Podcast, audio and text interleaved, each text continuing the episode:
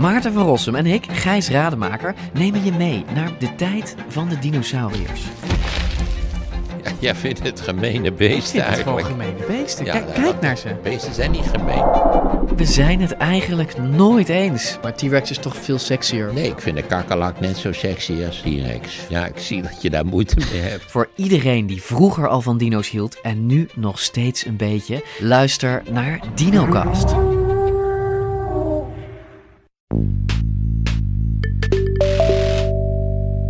Je kan internationale politiek van de voorbije jaren in het Midden-Oosten bijna bekijken als een Griekse tragedie. Men doet iets, maar eigenlijk komt het omgekeerde. Je wil vluchten, Oedipus, maar uiteindelijk vermoorden je vader. Wel, in, in dit geval, het Midden-Oosten, de- hoe het dat daar zich daar afspeelt, is een Griekse tragedie. Dit is Betrouwbare Bronnen met Jaap Jansen.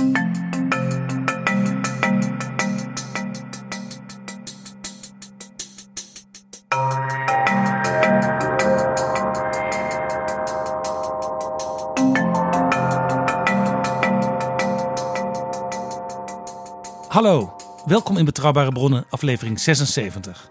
Het nieuwe jaar 2020 is politiek begonnen met een harde klap in het Midden-Oosten. De liquidatie door Amerika van generaal Qassem Soleimani, de belangrijkste militaire man van Iran die ervoor heeft gezorgd dat het regime van de Ayatollahs een steeds steviger greep op de buurlanden heeft gekregen. Irak, Syrië, Libanon, Gaza, Jemen. Overal zijn ze met dood en verderf actief. Tegelijk waren er de afgelopen maanden hoopvolle signalen. In Iran en in Irak gingen jongeren de straat op om een ander bewind te eisen. Het lijkt erop dat die gedachte nu voorlopig weer heel ver weg is.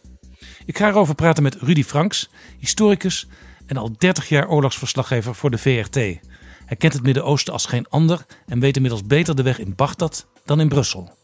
Rudy Franks heeft op dit moment twee documentaire series lopen op de Vlaamse televisie. In de ene, Tussen Oorlog en Leven op VRT1, gaat hij met bekende Vlamingen naar oorlogsgebied. Op de dag dat deze betrouwbare bronnen verschijnt, start op Canvas zijn serie De Eeuwige Oorlog. Op 9 januari gaat hij over Irak, op 16 januari over Somalië en op 23 januari over Afghanistan. Er is ook nog een boek van hem over 30 jaar oorlogsverslaggeving. En ja, hij maakt ook podcasts. Daar zal ik aan het eind nog naar verwijzen. En je kunt de links ook vinden in de beschrijving van deze aflevering.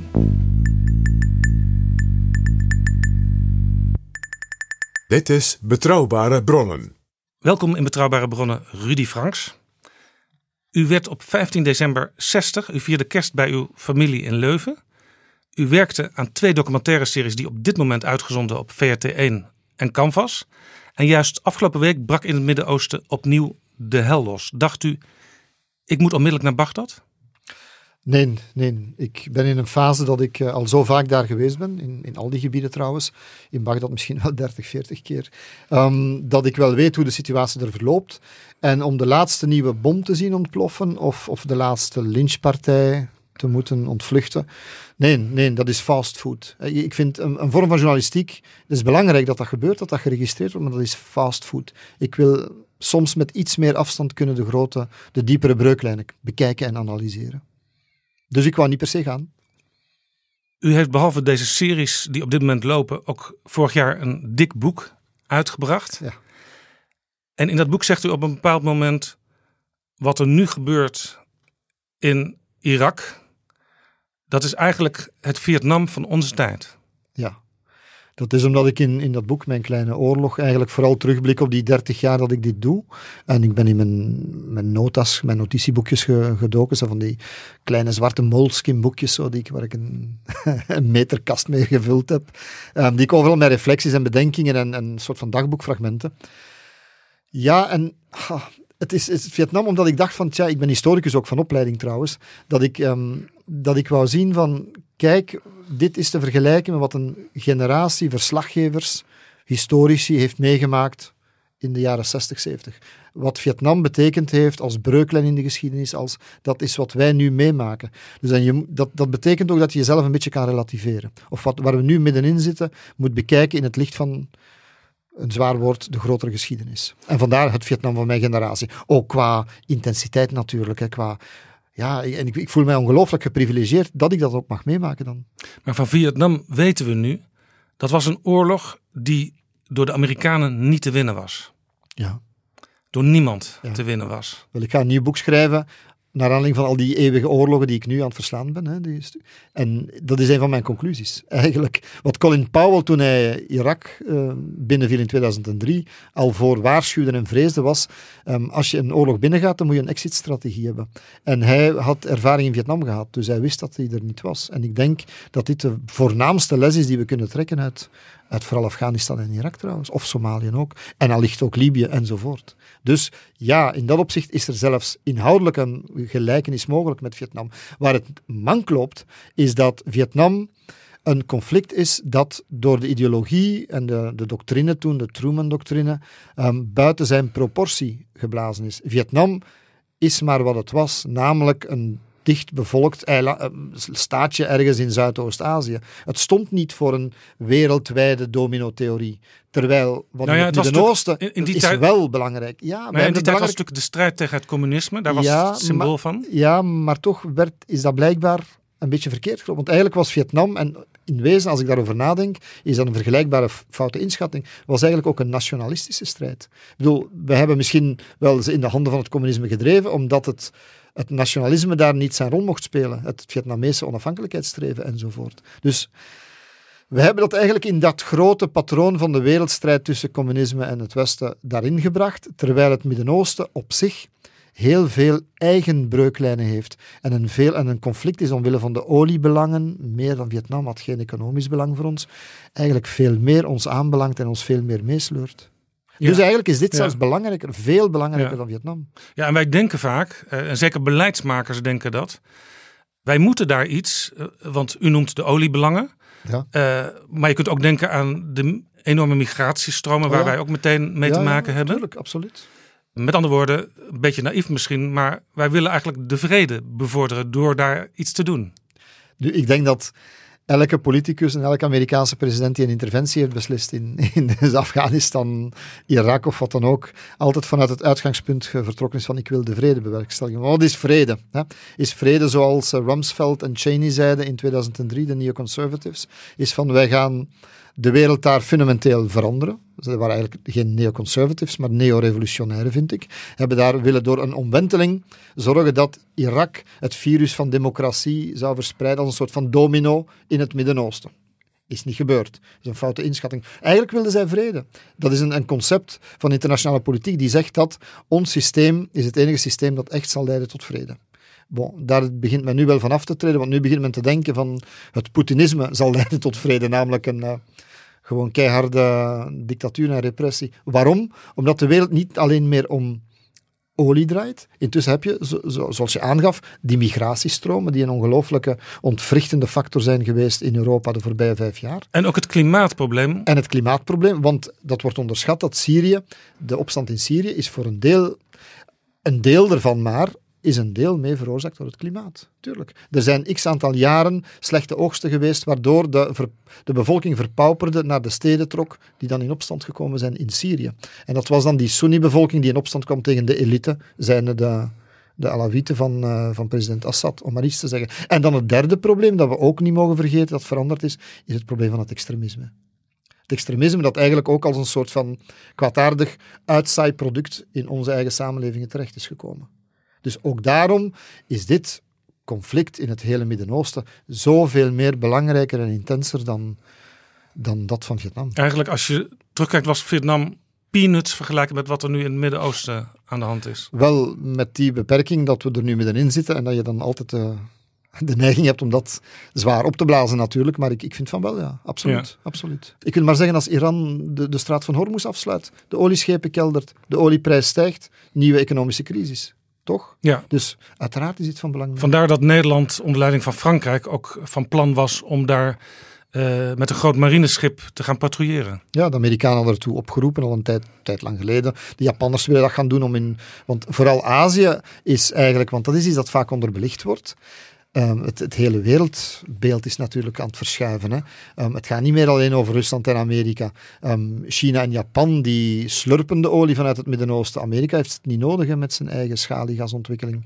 Dus zij kunnen dat doen als uh, die landen in Azië kunnen tot een crisis gedreven worden als Amerika de spanning opdrijft. Je kan heel machiavellistisch kijken naar internationale politiek hoor.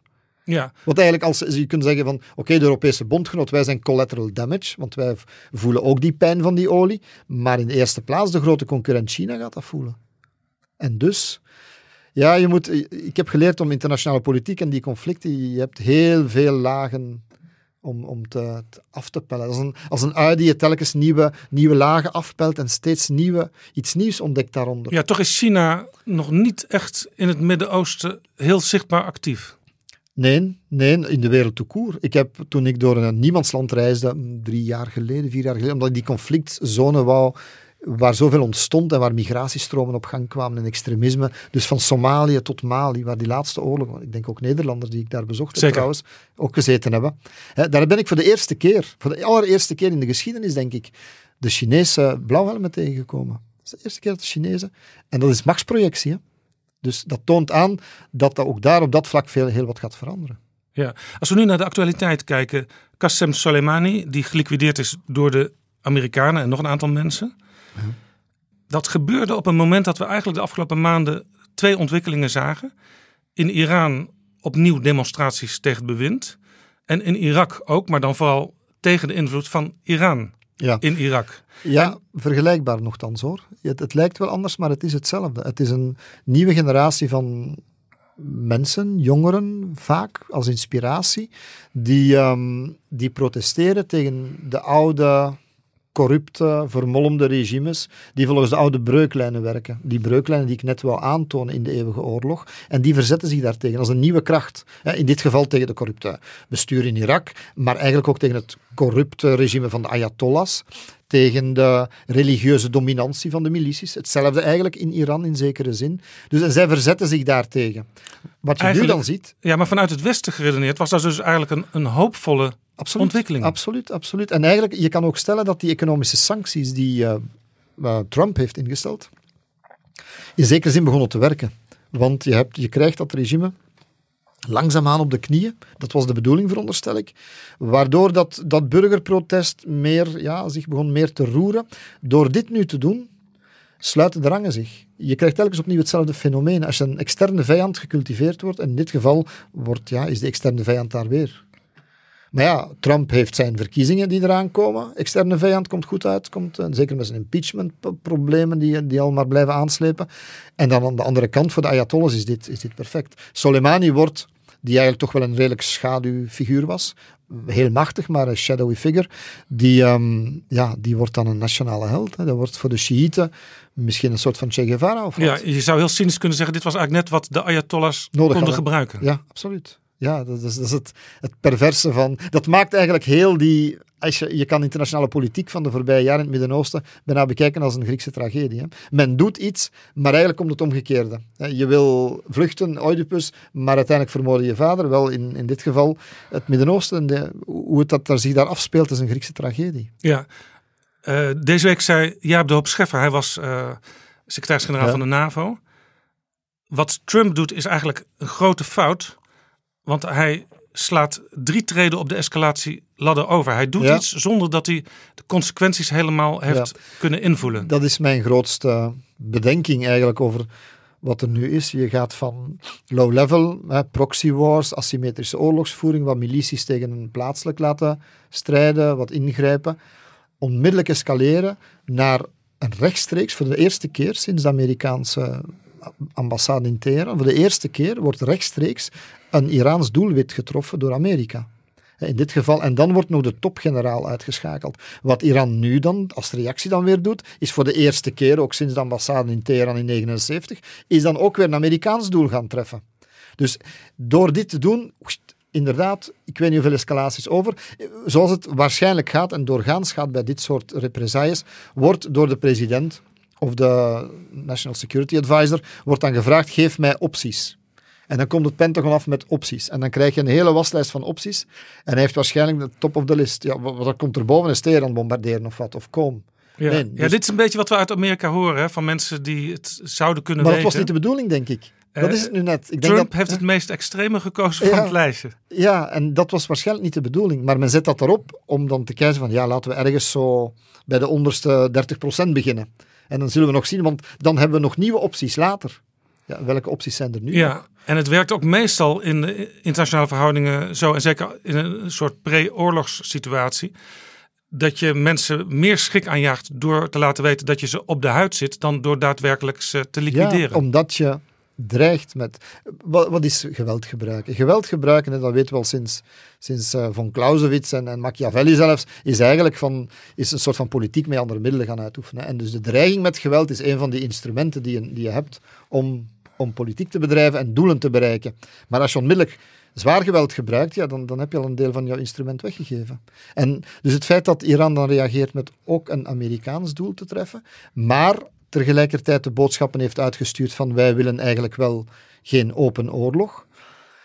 Zou je denken dat, voor mij is dat een kantelpunt, is dat zo van kijk, het wordt of het een of het andere. En dan is de vraag of de adviseurs van Trump, want in zijn cool hoofd heb ik nou niet alle vertrouwen, zal ik maar zeggen, um, zich bewust zijn daarvan, en dat zal wel, van kijk, nu is het moment eigenlijk om te gaan praten achter de schermen. Want wat is de volgende fase van escalatie? Ja. Daar, heb, daar hou ik mijn hart voor vast. Ik heb uh, vorig jaar uh, Michael Wolff geïnterviewd, die een paar boeken over Donald Trump heeft geschreven.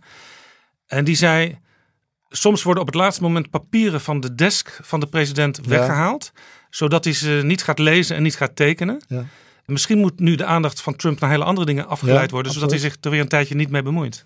Ja, nee, dat verhaal ging ook al de ronde van enkele jaren geleden. En, uh, een van zijn stafchefs is, uh, is uh, zijn, zijn security advisor is opgestapt om, omwille van, die, niet omwille van daar per se, maar omwille van die cultuur. En ook omdat hij zelf al een paar keer had moeten extreme reacties van tafel halen die, die anders zouden toegepast zijn. Alleen in dit moment is dat niet gebeurd. Nee, wat, wat ook interessant is in dit verhaal is dat mensen direct om Trump heen, zoals uh, Mike Pompeo, de minister van Ja. Buitenlandse Zaken, en Mark Esper, de minister van Defensie, die gaan onmiddellijk als Trump iets getwitterd heeft, gaan ze dat verzachten.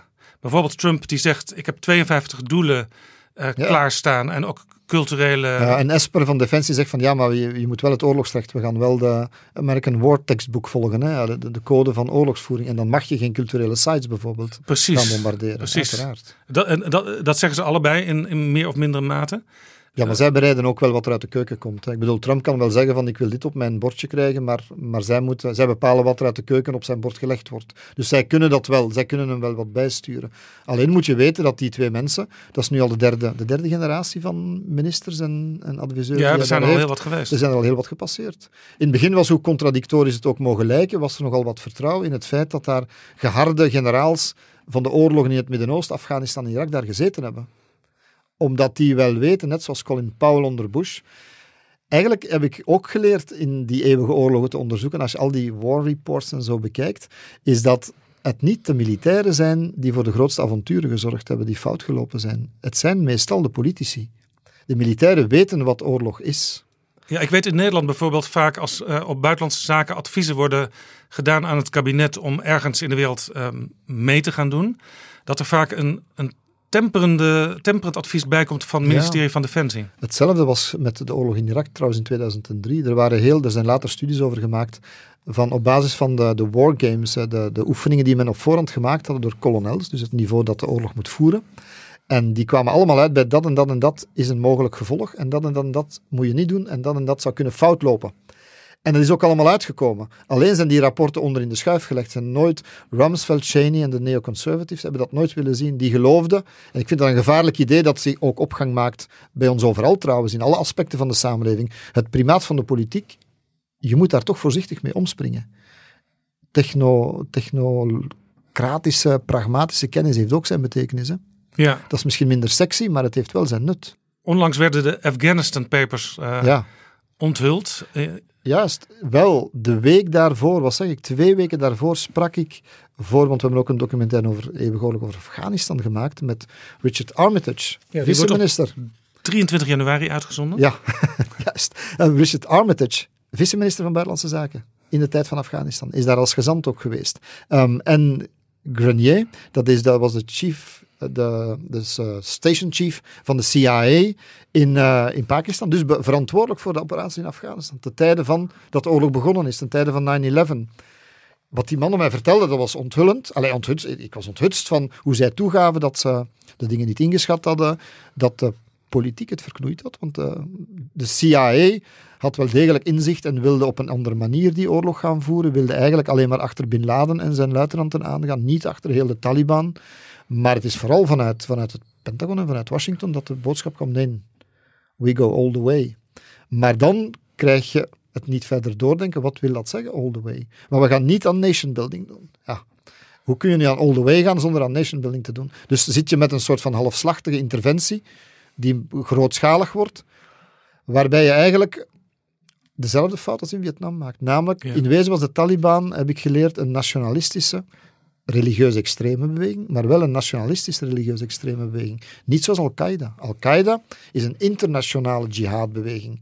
Als je die twee kan scheiden en de doelen kan afscheiden, dan krijg je een heel ander soort oorlog en conflict. Ja, en, in, in, in, Nederland werd overigens de, de, het ingrijpen in Afghanistan ook wel verkocht met. Ja, we hebben inmiddels weer uh, zoveel honderden meisjes naar school kunnen brengen. En dat is toch eigenlijk. Ik ben daar ook in meegegaan. Een soort nation building is dat ook. Ja, omdat men dat daarna gedaan heeft. Maar de, grootste inspanning is wel, is wel uiteraard militair geweest.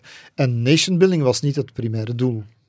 Men heeft daar waarschijnlijk te weinig op ingezet. Ik ben er heel vaak geweest in Afghanistan in die loop van die, die 20 jaar. Um, en heb ook gezien dat bijvoorbeeld militairen via allerlei organisaties, hoe dat de NAVO gestructureerd werd dan daar, um, een soort van half civiel, half militaire op, uh, opdrachten kregen om aan halfslachtige nation building te gaan doen in, in al die provincies. Heel eerbaar. Ja. En af en toe met resultaat. In Nederland had dat ook nog een financiële reden, want dan kon je ook geld van ontwikkelingssamenwerking ja, ja, dus dat werd gecombineerd. Dus dat was eigenlijk een soort van vertroebeling van wat het nu eigenlijk om draait. Goed, ja, maar is dat duurzaam? Blijkbaar is dat niet duurzaam gebleken. Wat ik wel nu, want ik ben nou uiteraard teruggegaan voor die documentaires, ehm, wat ik wel vind, en dat van die meisjes dat blijft kloppen, als er iets fundamenteels gebeurd is, is het natuurlijk dat je een heel nieuwe generatie krijgt. Dus je moet bedenken dat iedereen die nu 18, 19 jaar is, um, is geboren zonder de Taliban. Toch in die gebieden. Is van na 9-11 dat wil zeggen dat zij een ander beeld op de, op de werkelijkheid en de wereld gekregen hebben. In Kabul, maar ik heb mij altijd afgevraagd, gaat het dan zijn zoals 25 jaar geleden de Taliban kwamen Kabul binnengetrokken. Met hun lange baarden. En hun, als, als vechters met een Kalashnikov die van op het platteland kwamen. Dat is een cultuurshock. En dan zie je daar die vrouwen die helemaal anders zijn. Die wel een hoofddoek dragen, maar ook niet allemaal en al minder. En, en de burka, dat is daar in grote mate verdwenen soms uit, uit Ja, het eerste wat de Taliban destijds deden was, was alle televisies vernietigen. Alle televisies vernietigen, de vrouwen eh, afranselen, terug binnenshuis jagen. Gaat die nieuwe generatie van jongeren dit pikken of niet? Gaan de Taliban, wat men vaak denkt, veranderd zijn? Ik heb mijn twijfel erover dat ze veranderd zijn. Ik denk dat dit ook voor de galerij en onderhandelingen is en dat men eens het zover is, zullen we wel zien wat het is, vrees ik. Ik, ik weet het niet. Ja. U, u, u zei net, Afghanistan, dat hadden we eigenlijk vanuit het Westen geïsoleerd kunnen houden. En eh, Taliban zien als nationalistische organisatie. Waarmee onderhandeld kon worden. Met die, die CIA-chief, die, die zeiden, de Grenier, dat zij onderhandelingen aan het voeren waren met, uh, met de Taliban, met sommige leiders, om Mullah Omar, die een hardliner was, te isoleren de leider van de Taliban, waardoor er misschien met anderen wel te onderhandelen viel. Als ze daar Karzai gezet hebben, die ook een Pashto was, want ook het etnische speelt wel een rol in Afghanistan, hè, dat ze die daar als leider voorop schoven, ja, maar die had wel wat Taliban-leiders kunnen meepakken in zijn kielzog. En misschien had je dan een ander verhaal gekregen. Een conservatieve regime en samenleving, maar wel eentje waar geen, uh, niet die grote kloof tussen het ene regime versus de Taliban had gekregen. Waardoor je die die aanslepende eeuwige burgeroorlog niet zou krijgen. Ja, overigens Karzai, de door het Westen uh, gesteunde uh, oud-president van uh, Afghanistan. Ja, maar hij werd gesteund daardoor. Hij is dan, daar dan ook aan de macht gekomen. Wat vaak weinig geweten is, is dat Karzai in die eerste maanden wel samen met CIA, als ik het goed begrepen heb dan toch, um, als het klopt natuurlijk wat die man zegt, en ik heb geen reden om eraan te twijfelen, dat, dat ze een akkoord hadden, of aan het werk waren aan een akkoord met die Taliban. En dat het ook dat alweer geblokkeerd is geweest in Washington en in het Pentagon. Ik, ik keek deze week naar een toespraak in Teheran uh, op televisie. Uh, en daar zag ik ineens in de zaal meneer Karzai zitten. Herkenbaar aan zijn groene mantel die hij altijd uh, draagt. daar bleek een seminar te zijn over internationale vrede. Ja. Eh, en hij zat dus te luisteren naar eh, eigenlijk de, een soort dood aan Amerika speech die je Ja. nu weer elke dag hoort daar. Vrede is een, het meest misbruikte woord in het Midden-Oosten. Ik heb daar, daar heb ik zo een jaar of 15 à 20 geleden een soort van eh, allergie tegen ontwikkeld, vrees ik. Omdat het door iedereen, door alle partijen in het Midden-Oosten, het woord peace, peace, peace komt drie keer in elke zin voor. En elk, elk van hen heeft een heel ander idee van wat peace is. En- Peace is meestal het doordrukken van uw eigen mening en uw eigen dominantie. Ja. En als ik Karzai daar zie zitten in Teheran op zo'n bijeenkomst, is dat dan een hoopvol teken of juist niet? Je moet weten dat in de tijden van de Afghanistan-oorlog, in die eerste fase, jarenlang eigenlijk, Amerika en Iran bondgenoten waren wat, wat Afghanistan betreft. Want Iran was ook tegen de Taliban en de Sunni-radicalen die er zaten en tegen Al-Qaeda. Dus ze hadden eigenlijk, waren zij, de, de vijand van mijn vijand is misschien niet mijn vriend, maar dan toch een, een, een lauwe bondgenoot van mij. Dus in dat geval klopte dat wel. Dus Ja, in dat opzicht ja. heeft Karzai altijd wel met het grote buurland Iran moeten onderhandelen. Je moet weten, Afghanistan zit eigenlijk gekneld tussen drie reuzen. Aan de ene kant heb je natuurlijk Iran, aan de andere kant Pakistan, die een heel andere agenda hadden, radicaal Soenitisch vaak. En India, dat daar nog eens als, als plaatselijke regionale grootmacht een aardsvijand van Pakistan is. Dus Afghanistan heeft altijd ofwel dat uitgespeeld, ofwel is er de speelbal geweest van die drie machten. Dit is Jaap Jansen met Betrouwbare Bronnen. We hadden het straks over Trump en zijn ministers. En de ministers die dan meteen weer net iets andere teksten gebruiken dan de president zelf. Dat zien we eigenlijk als we naar Iran op dit moment kijken ook. Want daar heb je Ayatollah Khamenei. Die zegt de hardste dingen. En vervolgens in een televisiegesprek zegt de minister van Buitenlandse Zaken toch weer wat softere dingen. Ja, maar ik denk dat in ehm, Amerika een soort van, eh, hoe noemen we dat bij ons in Vlaanderen, pappen en nat houden is. Zo van improviseren op wat er ge- gebeurt met tweets. En redden wat er nog te redden valt. Ja, zoiets meer. Terwijl het in, eh, in Iran heel, eh, heel uitgekiende Het strategie is echt is. geregisseerd. Geregisseerd, ja. Ik denk dat Iran echt een strategie op langere termijn heeft. En dat is wat ik mis op dit ogenblik in de Verenigde Staten. Wat is de strategie op termijn? In Iran, in Irak en in het hele Midden-Oosten bij uitbreiding.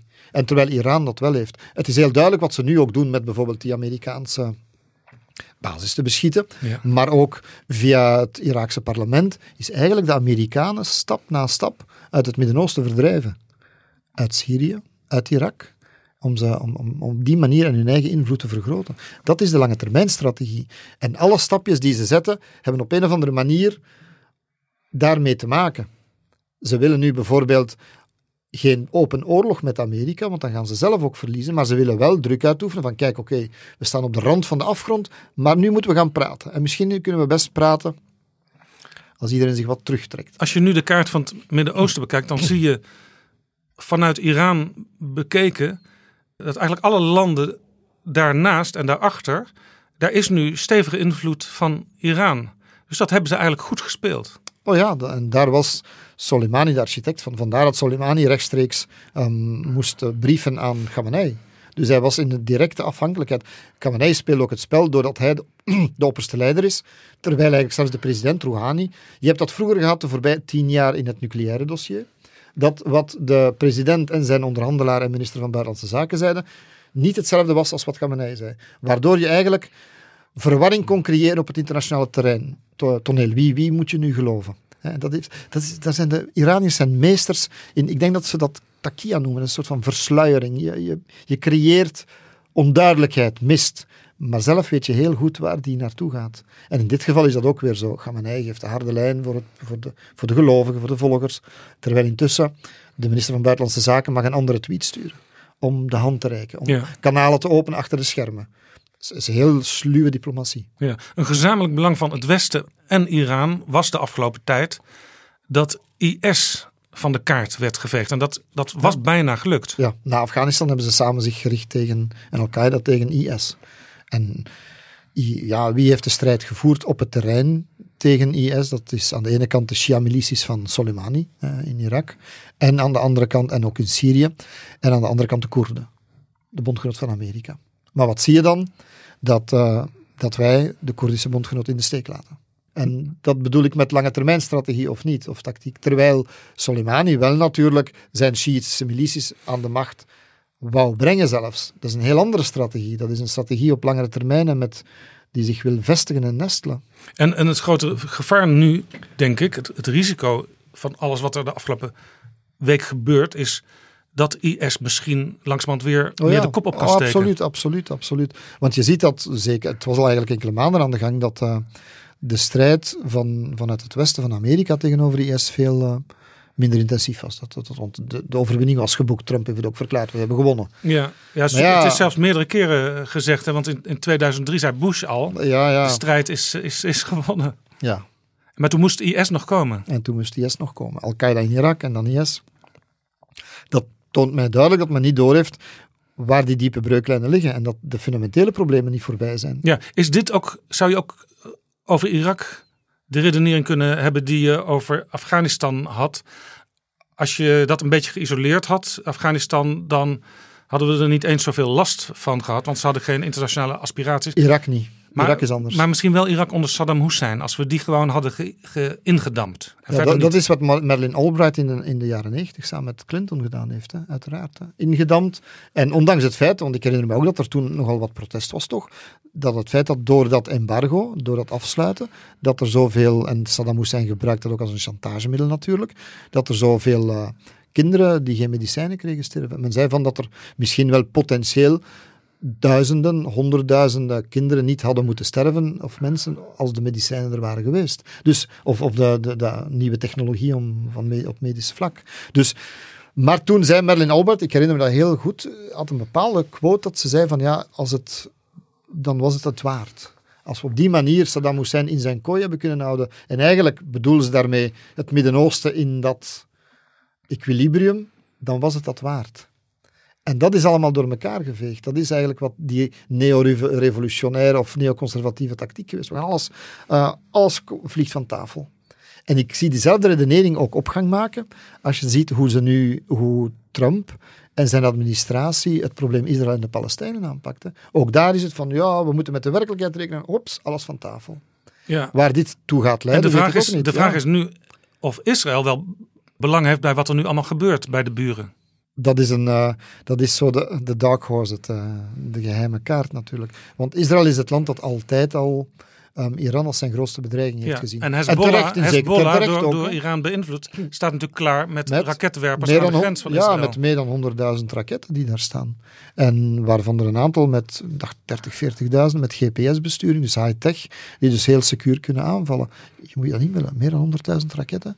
Dat is waanzin. Nu, Israël heeft zo'n militaire superioriteit dat zij dat kunnen van de kaart vegen, maar ze zullen wel ook heel zwaar getroffen worden. Dus maar je mag er niet bij stilstaan dat, als we het hebben over de Eerste Wereldoorlog, men noemt het sleepwalking. We zijn door allerlei kleine stapjes in een groot conflict terechtgekomen. Dat in het Midden-Oosten die grote oorlog ooit zou komen, die niemand wil. Niemand wil hem, maar dat je door een soort van stap na stap, sleepwalking, in een soort van open conflict komt waar je denkt van, hoe zijn we hier in hemelsnaam terechtgekomen? Dit is Betrouwbare Bronnen, een podcast met betrouwbare bronnen. U gaat daar vaak naartoe. U zei net inmiddels al 30, 40 keer in ja, ik, ik heb Irak het niet bijgehouden. Ja, zoiets, ja. En u doet eigenlijk twee dingen. Hè? Ik zie u regelmatig in het eh, VRT-journaal duiden, wat we, wat we nu ook doen. ja. Maar u ziet het ook een beetje als taak, en u heeft er ook een mooi groot boek over geschreven, om eh, de gewone mensen in beeld te brengen. Dus zeg maar de gewone Irakees, die Ja. gewoon zijn, zijn job heeft, of naar school gaat, of mooie toekomstdromen Ja. heeft. Tuurlijk. Ik wil dan in de eerste plaats natuurlijk. God, je moet daarvan uit vertrekken. Hè. Eerst, de feiten zijn heilig. Hè. Je moet de feiten brengen zoals ze zijn. Je moet op zoek gaan naar de werkelijkheid op het terrein. En op, daar, op basis daarvan niet op wishful thinking, maar een analyse gaan starten. Dat duiden, dat uitleggen. Dat is mijn taak binnen het journaal, denk ik. En met de jaren kan ik dat, met meer lagen, met meer ervaring, kun je daar meer dingen bij steken. Maar tegelijkertijd heb ik het ook altijd mijn, mijn opdracht gevonden om, om dat, hoe noem je dat, het gezicht van de oorlog noem ik dat graag te tonen. En dat gezicht van de oorlog kan ik maar tonen door, door menselijke verhalen te gaan zoeken. Door, door die menselijke verhalen te zoeken, kan je graven naar het universele. Wat, wat een Irakees in oorlog hetzelfde maakt, of, of, een, of een Palestijn of een Israëli, als, als ons. En daar, door die verhalen te vertellen, denk ik dat je meer interesse en betrokkenheid bij ons creëert. Want het gaat mij uiteindelijk uiteraard altijd over bij ons in Europa. Hoe begrijpen wij, zien wij, voelen wij dat conflict?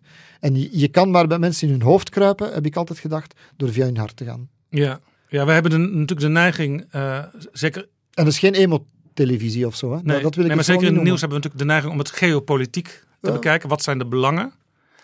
Uh, Wel, ik ben begonnen toen de, de eerste intifada bezig was. En ik moest dan verhalen maken over de eerste intifada. En ik, ik, ik, kom van, ik heb geschiedenis gestudeerd. Ik heb op de universiteit enkele jaren gewerkt bij het Centrum voor Strategische Studies en Vredesonderzoek. Dus echt uh, dure, moeilijke, vele studies gemaakt voor seminaries. En dan begin je uit te leggen. En dan begin je de een na de andere heel glazig begint dan te kijken. En dan denk je van, oh, I've lost them. Ik ben ze kwijt. Dus dan denk je van, nee, elk medium heeft zijn eigen manier om, om, om dingen aan te pakken. Vandaar ook dat ik in de loop der jaren steeds meer ben beginnen en documentaires maken, en journaal, en, en, analyses voor internet, maar ook boeken schrijven. En zelfs een strip heb ik gemaakt, of een aantal ervan, om zoveel mogelijk dat idee van oorlog en het begrip over oorlog en wat zich afspeelt over te brengen. Ja, en ik kwam op YouTube ook nog een heel mooi theaterstuk uh, ja. met muziek van Bram van Meulen tegen. Ja, ja, dat was ook zo. Die had mij gecontacteerd en die maakte liedjes geïnspireerd op de Eerste Wereldoorlog, waar ik heel veel in herkende. En ze vroegen, laten we dat actualiseren. Ja, de dochter van Bram, Bram van Meulen zingt dan, was daar de, dan, de, leider van. Hè? Zij, zij zingt dan de, de teksten van Bram en, zijn muzikanten van toen, een aantal ervan spelen. En ik vertel dan verhalen over oorlogen nu.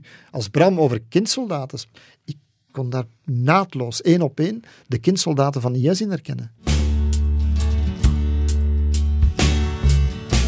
Al na een week is Johnny Murph verslagen. Weet hij al nergens meer iets van? Verdoofd door koude modder en door bommen. Wou hij alleen dat er een einde aan kwam.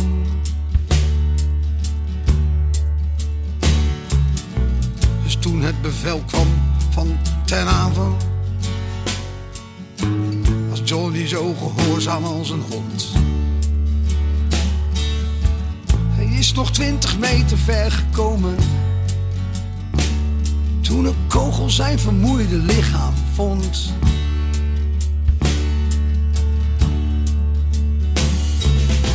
Ze konden hem niet redden waar hij lag. Stierf hij daar uren hels pijn. Tegen de stank bedekten ze hem met aarde in de nacht.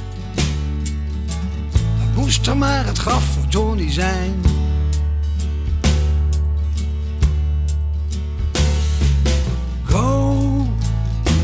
Johnny, go.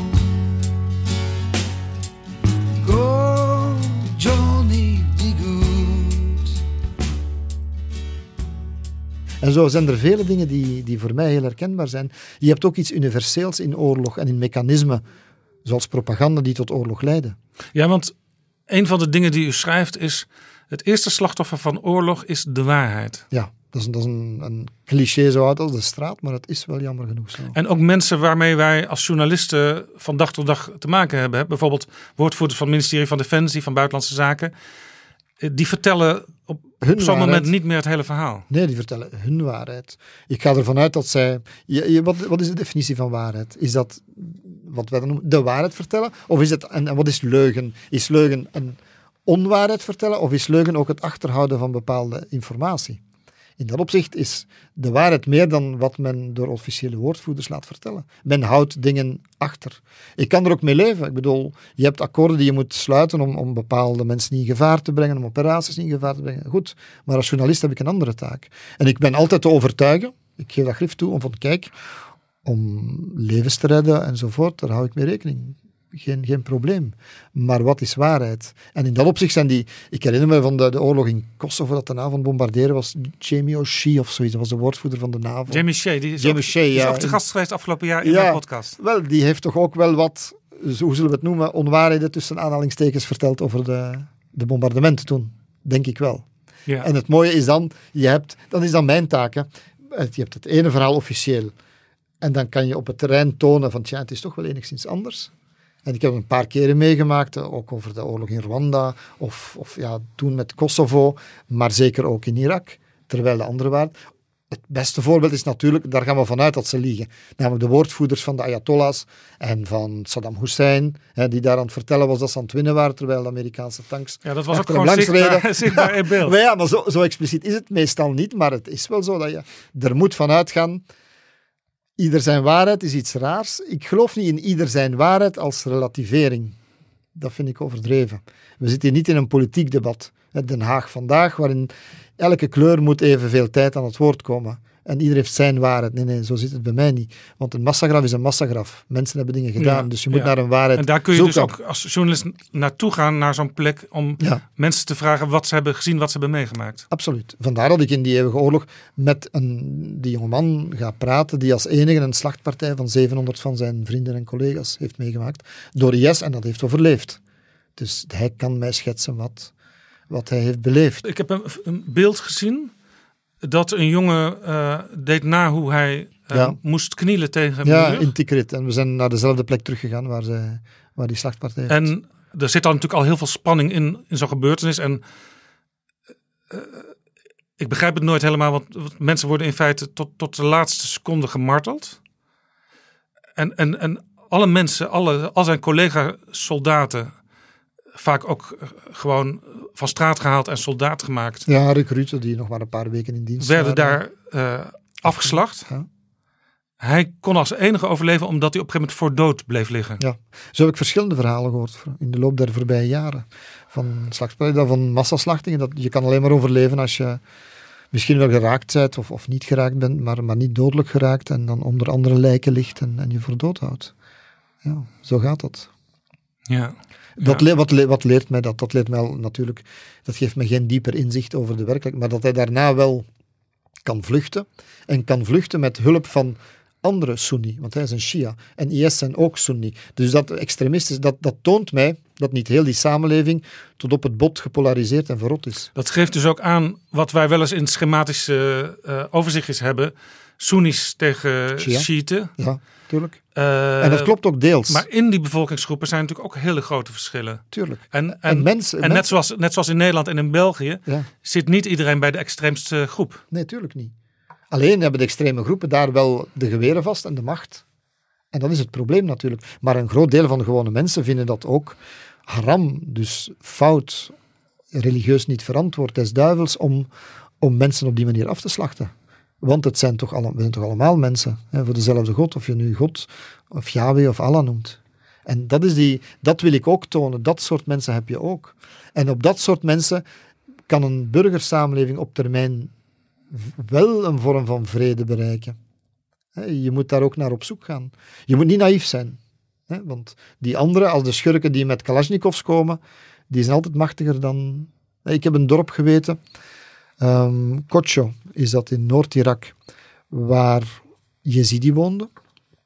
En Die minderheidsgroep die door als duivelsaanbidders werden beschouwd door Ja, die op een bepaald moment zich terug Werden- hadden getrokken op een berg. Omdat ja, ze de Sinjarberg, ja, en, omdat, en die werden met honderdduizenden zijn, zijn er vermoord. En de vrouwen zijn aangerand en verkocht en zo. En de kinderen werden tot kindsoldaten, bommen omgebouwd. Maar eh, een dorp waarbij, waarbij zij overleefden, dankzij, ja... Dat, dat, ik bedoel, dat, het, het heeft een heel andere betekenis dan. Je kan zien hoe dat die op dezelfde manier overleefde door zich dood te houden, door dan toch te ontkomen. En je kan op basis van dat kleine verhaal kan je een hele wereld reconstrueren wat er met die mensen van het trop gebeurd is. Je kan eigenlijk door het kleine verhaal, dat menselijke verhaal waar we het over hadden, dat gezicht van de oorlog, kan je eigenlijk een hele wereld reconstrueren. Je kan reconstrueren wat is er met die meisjes gebeurd van het dorp. Wat is er met de kinderen gebeurd? Zijn die kindsoldaat geworden? Hebben die het overleefd? Je kan op zoek gaan naar bewijzen voor een internationale rechtspraak die we gevonden hebben op internet van hoe die slachtpartij in zijn werk gegaan is. En van dat ene verhaal kan je eigenlijk een symbool maken. Een beetje zoals Oradour Ja. in Frankrijk was voor de terreur van de nazi's die ook een dorp afgeslacht hebben in Frankrijk. Ja. Ik zag ook een, een eh, jongen, Saad heette die, 14 jaar. En die vertelde dat hij had gevoetbald met vriendjes met hoofden Ja. van door IS Nee, gemaakte Hij zag dat. slachtoffers. Hij had niet zelf mee gevoetbald, maar toen hij zelf eerst uit de gevangenis kwam waar hij gem- gemarteld was en zo, want hij was zelf uit eigen beweging bij IS gegaan. Ik wil ook proberen te begrijpen waarom mensen bij IS gegaan zijn. Waarom heel veel jongeren daarbij gegaan zijn. Eh, Vanuit Nederland en België zijn er vertrokken op 18, 19, 20, iets ouder. Vanuit de regio zijn er vaak nog jongeren die of gekidnapt zijn of daarbij gegaan. Wat heeft hun bezield en wat maakt in hun hoofd dat ze daar soms toch uitgestapt zijn? Je moet begrijpen om te kunnen bestrijden, zeg maar. Dus ik, ik wil al die elementen van die waanzin van die oorlog wel begrijpen. En hij kwam dus buiten en hij zag hoe een heleboel van zijn vrienden dat met hun hoofden gevoetbald werd. En dan zat hij tegenover mij een paar maanden later, want hij was gevlucht. Hij was ontsnapt. En hij leefde ondergedoken. Ah ja, want hij was bij IS geweest. Hij was ontsnapt omdat hij toch zag, dit Dat is niet mijn mijn- wereld. dit is niet mijn wereld, ja. Maar ja, hoe diep zit dat, dat kan ik niet beoordelen. Ergens als journalist of als Want- en- onderzoeker blijf je wel Ja. aan de oppervlakte En, zitten. en waarom was hij bijgegaan om, om het een beetje te proberen te begrijpen? Was dat gewoon omdat het zijn vriendjes waren en hij dacht, ik wil met mijn vriendjes zijn? Nee, omdat hij. Ik heb dat ook in Libië gezien, waar de IS ook een deel van zijn kalifaat had ge- opgebouwd in Sirte. En ik praat daar met mensen, ja, dat zijn die jongeren, allemaal 15, 16-jarigen, die daar met IS meehulden in Sirte. En daar, die kregen een auto, die mochten met geweren, maar kregen hè, kinderenbaas, zeg maar, hè, of, of pubers met testosteron. Ja, laten we zeggen, het, is een computer, heel vreemd het computerspelletje werd Ja, werkelijkheid. het, ja, ook. Ik heb ook een, een IS die uit België kwam, die trouwens nu in de gevangenis zit, Ginder, die, die dan toegaf, ja, wij, eerst dachten wij oorlog, ja, dat was voor mij een, een spel zo, hè. Een, een spelletje op, op computer. Maar als je één keer in de werkelijkheid in zit, dan doet dat pijn, hè. En zit daar nu als gehandicapte. Dan wordt het anders. Ja. Dus je, moet, je kan alles heel makkelijk in schablonen steken en met mechanismen, maar er zijn zoveel lagen, psychologie, maatschappij, die meespelen, frustraties. Als je, je moet, hoe meer je kan begrijpen, begrijpen, niet goed praten, begrijpen is beter. Ja, want wat is.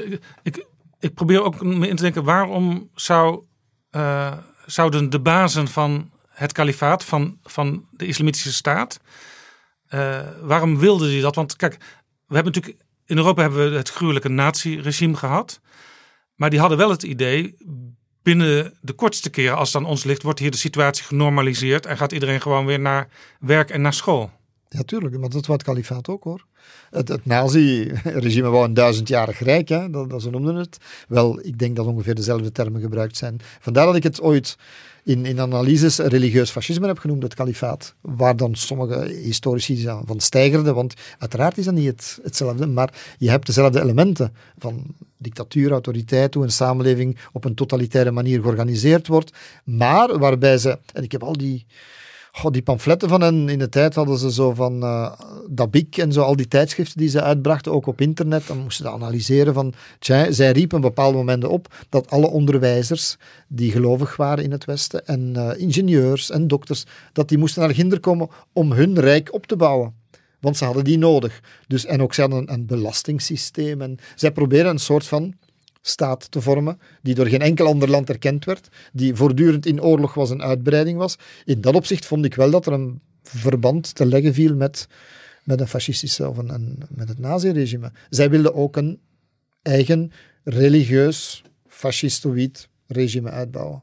Ja. Dat, ja. En als ik dan de verhalen later hoorde van veel van die Syrië-strijders die daar getrokken zijn, ze zeggen allemaal dat ze niks fout gedaan hebben. Hè. Laten we wel wezen, en ik geloof er ook geen donder van, want wat zouden ze anders... Als je al die Syrië-strijders die ik gesproken heb, ze waren ofwel kok geweest ofwel verpleger. Hè. Ze, hebben, ze hebben nooit gevochten natuurlijk, dat is dus dikke kwatsch. Maar, um, maar je krijgt wel het verhaal via die families van hen, dat zij eigenlijk een pseudo-normaal leven leefden. Hè. Ja. De man ging buiten vechten, en ja, de vrouwen bleven De man thuis ging naar het slagveld. En, ja, ja, ja, de vrouwen bleven dan thuis, uh, uh, met het, want ze mochten niet buiten liefst, uh, mochten dan wel koken en voor de kinderen zorgen. En ja. elk jaar een nieuw. Er is nu trouwens een, een, een, discussie in Nederland van, moeten we eigenlijk de vrouwen en zeker de kinderen niet terughalen? In België is die discussie ook heel hevig opgeleid. Waarom? En ik heb die ook op mijn bord gekregen, omdat ik ik dacht in de laatste fase van al die frontlinies van het IS en, en alle elementen die ik gebracht heb in documentaires en in verslaggeving. De laatste fase was, wat, wat is er nu gebeurd met al die, die mensen die van hier vertrokken zijn? Waar zitten die? Ik heb die in kampen gevonden. Ook een aantal Nederlandse trouwens uit, uit, uit want, want u vraagt ter plekke? Ja. zijn hier Belgen, zijn hier Nederlanders? Ja, tuurlijk. Dat is heel moeilijk, maar als er daar een witte binnenkomt, een blanke man met een camera bij, ze, ze hebben daar waarschijnlijk een jaar lang niemand gezien. En dan dat- dat- die komen, je moet geen moeite doen. Hè. En ik waarschijnlijk ben zijn in ze ook blij, een- waarschijnlijk zijn ze blij ze dat een een- keer kunnen doen. Tuurlijk, je hebt een deel die als een mot op je afkomen. Op de kaars. Omdat zij willen, zij zijn diegenen die vatbaar zijn. En misschien kennen ze om u te zelfs praten. nog wel van televisie. Ja, ook. ook. Ik, heb, ik heb met strijders gesproken die geïnterviewd waren, die eigenlijk de dingen, want ze volgen ginder alles wat wij doen via internet. Dus ik vind het een heel hallucinante ontmoeting. Dat ze zeggen, ah ja, ja, ik heb gezien wat uw documentaire van vorig jaar over, over IS en hun familie in België en zo. Dan denk ik van, ja, dat is een beetje akelig natuurlijk. Dan ben je ineens een bekende Vlaming in, In, in ja, Irak maar dat is een beetje akelig ook, toch wel, vind ik wel. Je bent niet neutra allee, neutraal wel, maar niet, je bent geen vreemde op afstand. Maar goed, met die, die vrouw kom je op jou af dan. En dan, wat moet je ermee aanvangen? Maar mijn taak is alleen maar te zeggen van dat er een probleem is. Kijk, hier zitten ze. En er zijn tientallen kinderen bij, ook Nederlandse kinderen. En vaak is dat gemeenschappelijk, hè? want wat ik heb opgemerkt, dat er heel veel gemengde gezinnen zijn. Hè? Man uit België, vrouw uit Nederland of omgekeerd. Dat heel veel, dan is dan een discussie, zijn die kinderen Nederlanders of Belgen of zo. Of eigenlijk, als we ze de nationaliteit afnemen, zijn ze dan toch maar Noord-Afrikaans. Ja, ja, dat is Dus ja, dat is een hele dat is discussie. de simpele techniek op dit moment. hè. Ja, maar Als we dat is nationaliteit niet meer hebben, dan hebben we er niks meer mee te maken. Ja, maar, maar die landen willen die misschien ook niet terug hebben. En, zo. en Turkije heeft het toch gespeeld in... eh, ze hebben iemand waarvan Nederland de nationaliteit had afgenomen, gewoon op vliegtuig gezet en terug hier is hier van, eh, ik weet niet of ze in Schiphol geland zijn, maar gewoon eruit gestapt. Ja, en ik denk ook, maar dat is niet op dit moment, dat is nog niet het standpunt van de Nederlandse regering. Ik denk, we kunnen beter eh, die mensen hier terughalen, eh, berechten of zorgen dat ze van hun trauma's af, de kinderen van hun trauma's afkomen. Of opsluiten en zorgen dat je ze onder controle houdt. Dan dat, Dat ze is- daar gaan rondzwerven en misschien ook weer rare dingen gaan doen. Dat is het standpunt van qua de, de federaal procureur in België. Dat is het standpunt van, de, van iedereen in de inlichtingendiensten, van het OCAT, dus het uh, terreurbestrijdingscoördinatiecentrum. Je kan best dat doen. Nu, ik heb daar wel twee jaar mee alleen gestaan, dat ik zei van kijk, wat is de veiligste? Ik wil het probleem aankaarten. Ik wil twee dingen doen. Eén, je kan niet ontkennen dat het er is. Het is een onprettige werkelijkheid, maar ze is er. Dus je moet er iets aan doen. En wat je eraan doet, dat is een politieke beslissing of een samenlevingsbeslissing. Maar uw kop in het zand steken heeft nooit iets opgeleverd. Never. Nee. Op geen enkele manier. Dus ja, en als de inlichtingendiensten dat ook zeggen en de mensen met veiligheid bezig zijn, ja, dan is het aan. Maar dat is niet aan mij. Alleen, je, je zit tegenwoordig in een maatschappelijk klimaat, overal ook in België en Nederland, hè, waarin de boodschapper beschoten wordt. Ja, sorry dan maar. Hè. Dat is wel onze taak. Ja, dat is ook iets wat veranderd is. Als we gewoon naar hier thuis in Europa kijken, de opkomst van populisme, inderdaad de manier waarop gediscussieerd wordt op Twitter bijvoorbeeld. Ja, dat is de invloed van sociale media, ja, Uh, uiteraard. en af en toe ook een aanslag. Hè? We hebben deze week nog Ah. herdacht uh, Charlie Hebdo. Ja, en, en, volgend jaar zal het dan uh, België zijn natuurlijk. Tuurlijk, we zijn zwaar getroffen. Ik heb ook gemerkt, je hebt, twee dingen, je hebt een aantal dingen die, die een verandering teweeggebracht hebben. En me vond dat vreemd dat ik die analyse maakte vijf, zes jaar geleden. Van kijk, naar die oorlogen gaan vond men sympathiek en, en, en dapper en, en, wat is het allemaal. En ja, toch wel interessant. Maar vroeg of laat keert dat terug. Dat bleef ver van ons bed, die show. Waar men kon in meeleven, ja. maar het was een probleem veraf. Het komt nu langzamerhand uit het, het beeldscherm ja, gekropen. Het, het komt hier terug. Maar ook, er zijn mensen van hier naar Ginder vertrokken. Die hebben daar, en je krijgt een soort van, die wereld van Ginder is niet meer alleen Ginder. En een, idee, een, een ideologie, het, dat religieus extremisme, en nu ook het rechtsextremisme, dat zijn ideeën die, die via internet overal binnencijpelen. En dan wordt het een probleem voor bij ons. Dus het is niet meer vrijblijvend. En ik heb gemerkt dat dit gecombineerd met het publiek debat, dat door sociale media toch wel via Twitter vaak nogal eens ongenuanceerd vergiftigd wordt, ja, op die manier kan je niet meer. Hoe kan je nu nog rationeel beslissen wat het meest veilig is? Want daar ga ik nog altijd vanuit. Hè. Daar moeten we toch vanuit gaan dat wij twee dingen willen doen in onze stijl. Wij willen de waarheid of de werkelijkheid beschrijven en zoeken. Als je niet meer gelooft dat we die echt zoeken, ja, dan stopt het. En twee, je voelt toch ook een verantwoordelijkheid voor wat er zich hier afspeelt. Ja, en om rationeel te kunnen blijven denken en uiteindelijk ook politiek te kunnen besluiten, hebben we zoveel mogelijk informatie nodig. Dus ook informatie van het slagveld. Ja, en informatie die niet altijd daarom prettig is, die men niet graag hoort. Maar ja, je hebt, dat is van alle tijden. Hè. Je hebt mensen nodig die durven zeggen wat zij zien en vinden.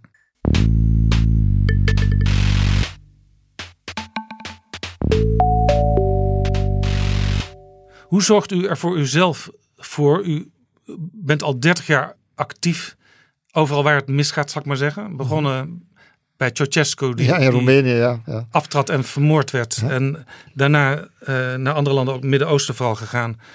Hoe, hoe zorgt u, één, dat u niet cynisch wordt? En twee, dat u zich ook handhaaft? Want ik kan me ook voorstellen dat je op een gegeven moment zelf een beetje door, doordreigt te draaien met al die beelden. Ja, ja, ja, ja. ja het hangt samen. Op een of andere manier is dat geestelijk mechanisme is dat wel geslaagd, omdat niet... Er zijn momenten geweest dat ik, dat ik daarvan last gehad heb. Dat ik als ik terug was, ter plekke functioneer ik altijd.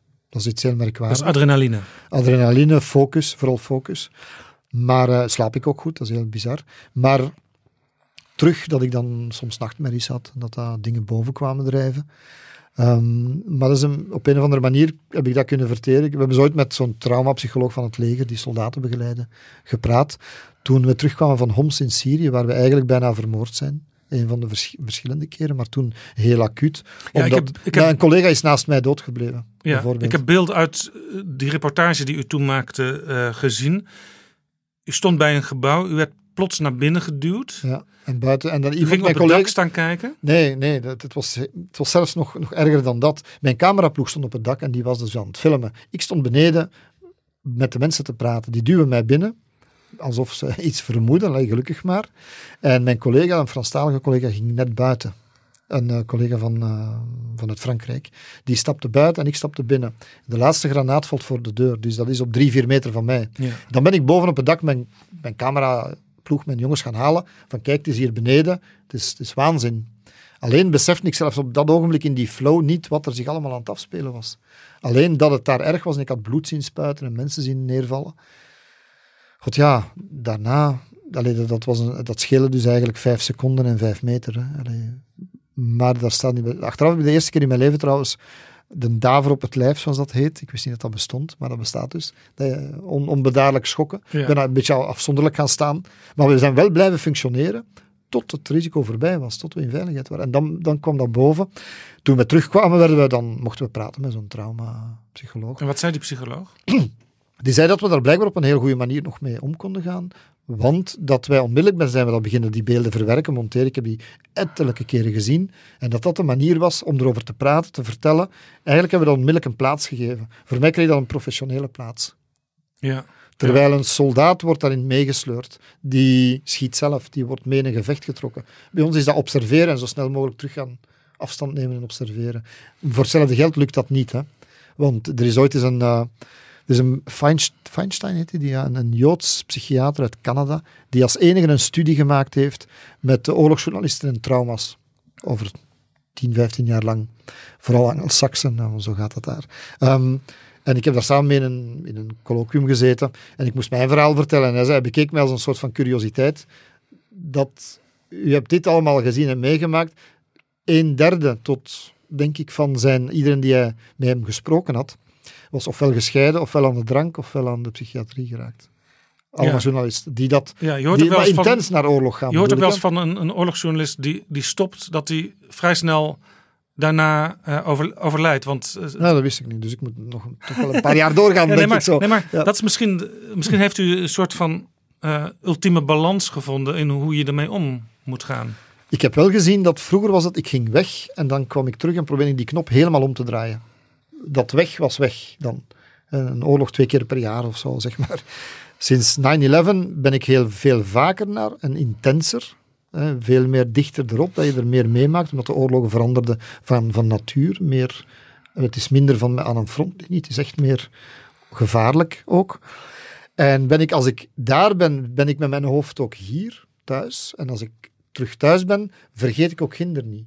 Omdat je daar een soort van, het wordt mijn tweede en derde thuis bijna. Die mensen in Mosul zijn voor een deel mijn tolken, dat zijn vrienden geworden. Je bouwt een soort van parallel leven op en die levens beginnen in elkaar over te lopen. Ja, ik zag in eh, de documentaire over Irak, bezocht u een eh, kapper Ja, in Mosul. ja, En dat vond ik heel interessant, want dat was eigenlijk gewoon eh, dezelfde kapper als bij mij op de hoek van de straat. natuurlijk. Daar zit een, ik ben onlangs naar een Turkse kapper daar geweest. En ik zei nog van tevoren, ik wil niet kort geknipt worden, want dat doen ze daar allemaal met die, eh die twintigers die daar binnenkomen. En die ook, el, die ook Ja, elke week, naar, elke week naar de gaan. Ja.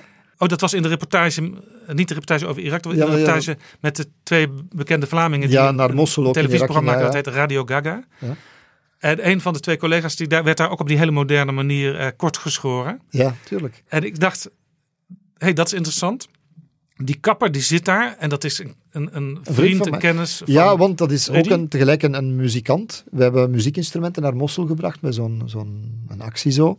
Voor, ja, een benefietactie. een benefietactie, omdat ik die muzikanten heb leren kennen, die eigenlijk als symbool van hoe ze de waanzin van IS konden overleven met muziek en met cultuur. En ik ben dan die jongens leren kennen en, en hij is dan tegelijk muzikant, maar hij is ook kapper. Ja, en ik wist dat niet en dan, en dan, Ja. dan wordt die werelden komen samen. En het mooie vond ik dus, dat, dat is gewoon de kapper van bij mij om de hoek. Die zit Ja. daar in Mosul, bij wijze van spreken tussen de puinhopen. Maar het gaat verder. Als ik in Leuven, de stad waar ik woon, daar ben ik ook bij een kapper binnengegaan. En dat bleek dan een Syriër uit Aleppo. Die acteur was. En die eigenlijk nu zich omgeschoold heeft van acteur naar kapper. Omdat hij anders geen, geen inkomen had in België. En dus mijn... Ik heb ginder vrienden die muzikant zijn en kapper zijn. En hier in België heb ik nu een kapper die eigenlijk van ginder komt en Syriër is. Ja. En ik zag ook nog een... een, Dat is één wereld toch? De werelden vloeien elkaar over. Ik las in uw boek ook nog dat eh, een moeder die u ergens tegenkwam duizend dollar meegaf, of duizend euro meegaf, voor haar zoon in België. Want die heeft het ook niet makkelijk, zei ze erbij. Ja, ja, dat is juist. Dat is, absurd. Dat, verhaal had ik zelfs verdrongen. Was ja, ja, dat, soms word je met onwaarschijnlijke dingen geconfronteerd. Hè. Ja, ik heb ook in de oorlog in, in, in Congo, bij toen, toen Kabila de macht pakte, kreeg ik van een professor in, eh in, eh in, in Bujimai, een, een Congolese professor die ooit in mijn stad Leuven ook gewerkt had en gestudeerd had, kreeg, gaf mij ook duizend dollar mee om aan zijn gezin in België, die daar zaten, te dacht van, mijn god man, hoe is het mogelijk? Ja, ja, dat maakt dat die, die wereld is, in mijn hoofd is dat één wereld geweest. Vandaar dat ik ook niet geschikt ben, denk ik, om te beoordelen over hoe mensen soms in angst reageren op vreemd, iets vreemds dat ze zien. Ik voel dat zo niet. Ik, ik heb dat, dat gen, dat zit niet meer in mij. Als je dus nadenkt over ehm, hoe, zou, hoe leeft een gewone Irakees al die tientallen jaren dat daar al gedoe is, Ja. dan is eigenlijk het antwoord die kapper. Die kapper. En die houdt zich goed, die zoekt telkens nieuwe middelen. Maar ik heb ook mensen tegengekomen voor dat programma Tussen Oorlog en Leven met die bekende Vlamingen in Mossel. Die, ja, je vindt een man die in een spelonk in de grond woont. En zo zijn er daar vele in die compleet kapotgeschoten stad. Zo leven ze daar ook. Maar tegelijkertijd begint die langzaamaan, daarbovenop beginnen ze dat terug te herbouwen. Dus, dus ja, Ja, ja ik, zag, ik zag die reportage uit die spelonk en ik zag dat hij daar een televisie had staan, een radio, ja een ijskastje. alles wat hij had stond van beneden in de, maar in overal spelonk. stof natuurlijk. Ja, compleet. Ja, en, en het water stroomt langs de muur en zo. Ah, weet je, het is verschrikkelijk. Maar tegelijkertijd, de menselijke, dat, dat leer ik ook wel, hè, de menselijke veerkracht, die overlevingsdrang, die is onmetelijk. Ja. Moet ook wel. Dat is, ik sta er vers, verbouwereerd bij, want ik, ik denk altijd, moest ik maar een, een honderdste meemaken van wat zo'n mensen meemaken. Ik was er niet meer. En ik denk de meeste van zoals wij niet. Denken we dan, en misschien toch wel. Ja. Toch wel, want jouw grootouders, mijn grootouders, die hebben wel de oorlog meegemaakt. Hè? En die hebben ook die verhalen. Daar heb ik die verhalen geleerd trouwens. ja, dat is trouwens nu langzamerhand aan de orde. Hè, dat de laatste veteranen die, die, die sterven nu. De mensen die het nog echt Ja, ja. zelf kunnen vertellen. Vandaar hoe vreemd het ook mogen klinken, als ik zo vaag iets in mijn hoofd heb, niet die van, want over de Tweede Wereldoorlog is al zoveel verteld, maar zo al die, die conflicten daarna, daar zit toch een mooi historisch programma in, omdat, want voor mij is dat, de, de oorlog van nu goed, ik wil analyseren en begrijpen, maar ik wil ook dat universele van oorlogen kunnen vastleggen van toen. Dus het gaat over la condition humaine eigenlijk. Ja. En dan zetten we vanavond of morgen of over een half jaar s'avonds om zeven uur de televisie aan. En dan zien we toch weer aanslagen, bommen, presidenten die Ja. elkaar voor rotte vis uitmaken. Ja, en dan begint dat hoofd, mijn hoofd slaat, allee, rust niet, dan begint dat te draaien. En, en het probleem is, allee, dus is dat een probleem, ik weet niet, dat je zoveel analyseschema's in je hoofd hebt, hebt ge- gestoken. Waar ik een hekel aan heb, en al heel lang, is zijn zo die, die eenzijdige benaderingen. Het is allemaal de schuld van de olie, het is allemaal de schuld van de religie, het is allemaal de schuld van een dio. De werkelijkheid is zoveel complexer. Je hebt zoveel lagen. Je hebt zoveel parameters die meespelen. Internationale politiek, geo, geopolitiek, ehm, economie, eh, religie. Je kan er allemaal vakjes en schablonen je, je moet ze allemaal bekijken en, en dan zien van, tja, en dat is de werkelijkheid. En dat proberen zo te beschrijven. En dat blijft fascinerend. Vandaar dat ik dat ook blijf doen. Ik denk dat, omdat je dat zegt over die, die gruwel, hoe daarmee omgaan, is omdat dat maar een heel klein facet van mijn hoofd is. Het grootste deel wordt ingenomen door het proberen te begrijpen. Intellectueel moet mij dat blijven prikkelen en boeien. Je moet steeds iets nieuws ontdekken en zeggen van, tja, dat is wel bizar. Misschien zit er nog meer achter. We begonnen dit gesprek met, met de actualiteit. En ook de vraag van hoe nuttig is het om als landen van het Westen daar uh, in te grijpen, daar te proberen iets te stabiliseren. En in het ene land is het logischer dat je er naartoe gaat dan in het andere land. Zeker als je met terugwerkende kracht op, naar, naar kijkt. Nu zien we dat de man die vermoord is, uh, Qasem Soleimani, die wilde eigenlijk het Westen uit die regio doen vertrekken. Het parlement van Irak heeft gezegd: uh, de westerse troepen moeten uit Irak.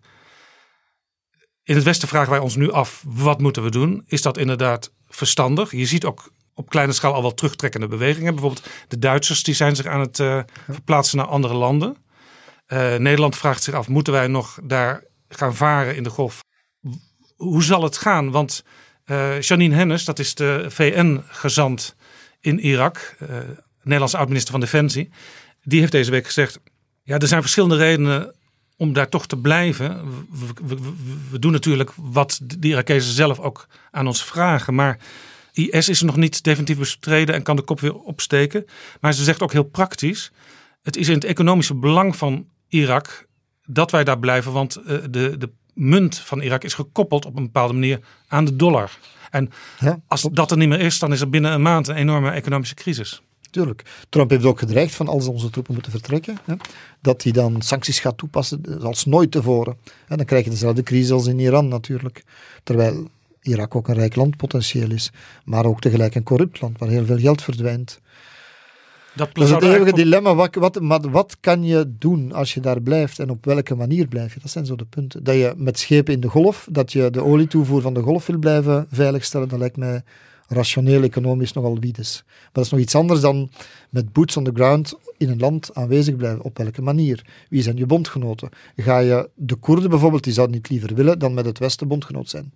En daar heb je een soort van tolerante vorm van Sunni-islam die daar dominant is. Dus je kan daar bijvoorbeeld wel, je moet gewoon kijken waar je prioriteiten liggen. En ja, en over onze Nederlandse militaire leiders die ik wel eens spreek, die zijn in het algemeen heel positief over de Koerdische militairen. Omdat ze daar goed mee samenwerken, omdat ze daar een, een heel jaar lang samenwerkingsverband mee hebben. En ja, ja, iedereen die ik hoor spreekt daar positief over. Ja. Nu, je moet daar ook niet naïef in zijn. Die hebben ook hun eigen agenda, er is ook corruptie enzovoort. Maar... Het lastige is natuurlijk ook, Irak is eigenlijk niet één land. Want Nee, er zitten nee. zoveel verschillende invloeden in. Ja.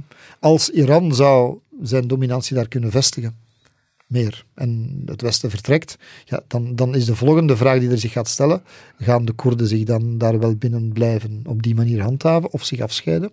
En wat gaat het Westen doen? Dus je moet eigenlijk al vooruitdenken, en dat is het jammer bij Trump, wat de volgende stappen gaan zijn die je gaat zetten. Niet nu, maar over vijf jaar, tien jaar, voor de situaties waarvoor je gaat komen te staan. En dan, dan- moet je je prioriteiten hebben en moet je een lange termijn strategie hebben. En dan is in dit gesprek het begrip NAVO nog niet eens gevallen. Nee, maar dat is een deel. NAVO is Daar, een- daar gingen we vroeger al tot voor kort altijd van uit. Hè? Ja, ja. als de NAVO bijeenkomt, dan nemen we met z'n allen als Westen een besluit. En dan Ja. gaan we iets doen, of niet? Ja, ja, tuurlijk. Maar nu is dat veel minder. Hè. Vooral ook omdat de laatste president, ook Obama, hoor, NAVO meer voor zijn verantwoordelijkheid wou stellen. De westerse bondgenoten, de Europese. Maar ook Trump gaat dat nog veel meer doen. Je, je weet niet meer wat er gaat komen. De voorspelbaarheid is weg natuurlijk. Dus dat is wel een groot probleem. Maar het is het meest betrouwbare instrument dat we als Europa nog hebben op dit moment. Want we hebben geen Europese defensie. Dus je kan niet anders dan het zo doen, uiteraard. Staat er al een nieuwe reis naar die plek des onheils gepland?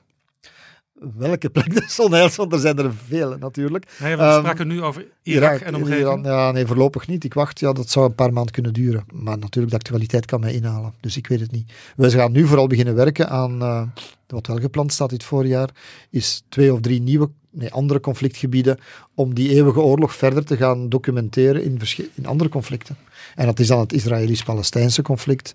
Dat zou Libië kunnen zijn, waar ook ja, die eeuwige strijd en stof voorhanden is voor, uh, voor oorlog. Ja, de eeuwige oorlog is de serie die op dit moment loopt op Canvas.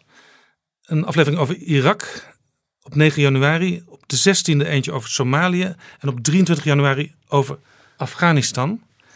Rudy Franks, mag ik u hartelijk danken voor dit zeer interessante en ook voor mij een gesprek wat een beetje kan doen invoelen wat er daar werkelijk aan de hand is. Dus niet alleen wat de persbureaus en de officiële woordvoerders zeggen, maar ook het verhaal van iemand die daar heel vaak uh, ter plekke is en het dus van die kant kan belichten.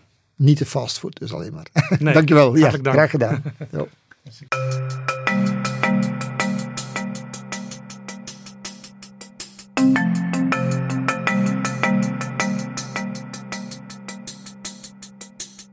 Zo, dit was Betrouwbare Bronnen, aflevering 76.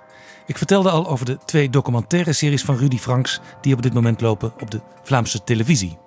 Ruim een jaar geleden is verschenen het boek Mijn Kleine Oorlog, een dikke 400 bladzijden van Rudy Franks over 30 jaar aan het front, uitgegeven door Horizon. En dan is er de maandelijkse podcast Franks en Bilot, die hij samen maakt met Vincent Bilot, niet te verwarren met onze Vincent Bijlo. De links staan in de beschrijving van deze aflevering. Dankjewel voor het luisteren en tot volgende keer. Betrouwbare bronnen wordt gemaakt door Jaap Jansen in samenwerking met dag en nacht.nl.